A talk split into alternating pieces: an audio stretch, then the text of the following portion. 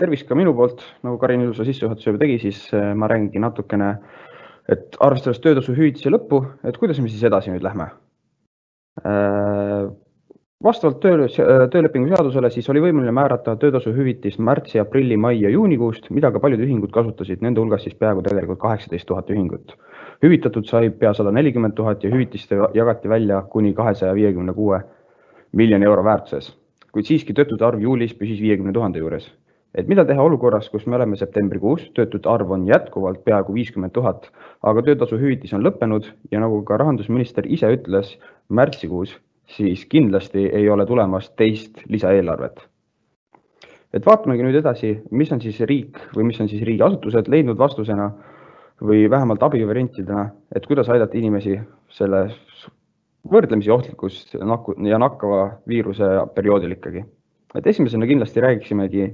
nüüd Töötukassa poolt välja pakutud ideest siis ütleme, nimetame neid tööampsudeks, kuigi kes on vähegi tuttavad Cowork, Coworkabitiga või siis sellist, seda tüüpi tööteenuse osutamisega, on kindlasti ennem kuulnud tööampsudest. et väga, väga kaval viis äh, kasutada juba rahva seas tuntud sõna nagu tööamps, et promoda ka enda uut tegevust. et tööamps on tegelikult siis lihtsalt öeldes, ta on töötu arveloleku ajaga kattuv töötamine, aga seal on väga kindlad tingimused, et see süsteem loodi alles esimesest septembrist ja sa võid jääda töötuna arvele sellel tingimusel, kui töötamine ühes kuus ei ülata kaheksat päeva. et see ongi väga huvitavalt sõlmitud või väga huvitavalt korraldatud selles mõttes, et see piiriks on toodud kaheksa päeva, seal ei ole eraldi ette nähtud, kas see kaheksa päeva peab olema ühe tööandja juures, kas nad peavad olema kaheksa järjestikupäeva või võib-olla kaheksa ühepäevast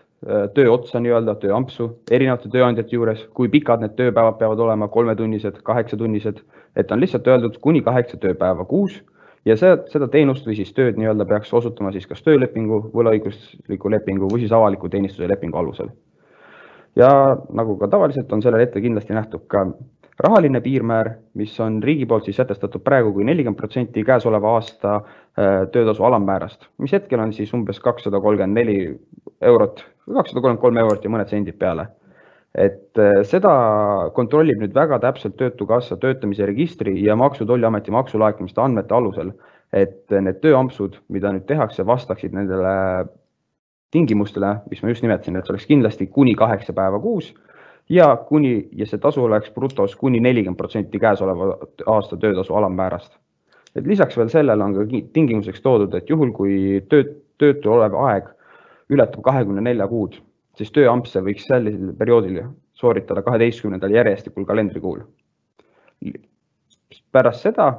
ja kuidas edasi organiseerida, pärast selle kaheteistkümne kuu möödumist hetkel Töötukassa poolt infot otseselt ei ole, aga nad on ette toonud kindlasti keelu, et see ei tohiks kahekümne nelja kuu jooksul ületada rohkemat kui kaheteist kalendrikuulist perioodi.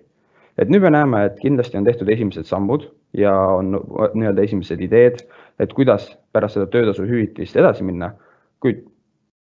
on arusaadav, et kui hüvitist jagati välja kahesaja viiekümne kuue miljoni väärtuses, siis kindlasti kaheksa päeva kuus töö tegemist, ükskõik kui suurel numbril inimestel ei töö seda, ei too kindlasti sedasama tulu ei eraisikutele ega ka maksutuluna riigile.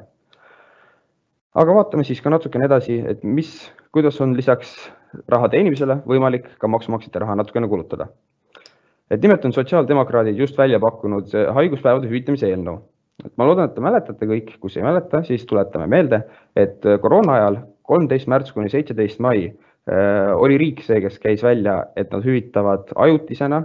äh, haiguspäevasid alates esimesest päevast. Ja tahaks just era, eriti mainida, et toona läks see riigile maksma seitse miljonit eurot. et praegusel hetkel on sotsiaaldemokraadid leidnud sellele lahenduse või noh, välja pakkunud vähemalt lahenduse, et selline eelnõu on algatatud seitseteist september selle eelnõu kohaselt toimuks edaspidi töötajate hüvitamine samuti esimesest haiguspäevast ja kaheksakümne protsendilises ulatuses töötaja keskmisest töötasust, mis on kõrgem kui praegu kehtiv seitsmekümne protsendine töötaja keskmine töötasu. aga antud olukorras oleks nelikümmend protsenti hüvitist Haigekassalt ja nelikümmend protsenti siis tööandjalt, ehk siis see toimuks koostöös. Ja see hüvitis toimuks esimene kuni kaheksat päeva. Alates üheksandast päevast jätkuks juba kehtiv haigushüvitise regulatsioon, mille kohaselt siis Haigekassa hüvitab töötajale päevatulu alusel ja päevatulu hüvitatakse seitsmekümne protsendi ulatuses. et antud olukorras kindlasti oleks selline eelnõu vägagi huvitav töötajatele, aga me peame iseendalt küsima seda, et kui huvitav on see tööandjatele, kes varasema regulatsiooni järgi pidid maksma viiendast kuni kaheksanda päevani seitsmekümne protsendi ulatuses, kuid nüüd peaksid maksma esimesest kuni kaheksandani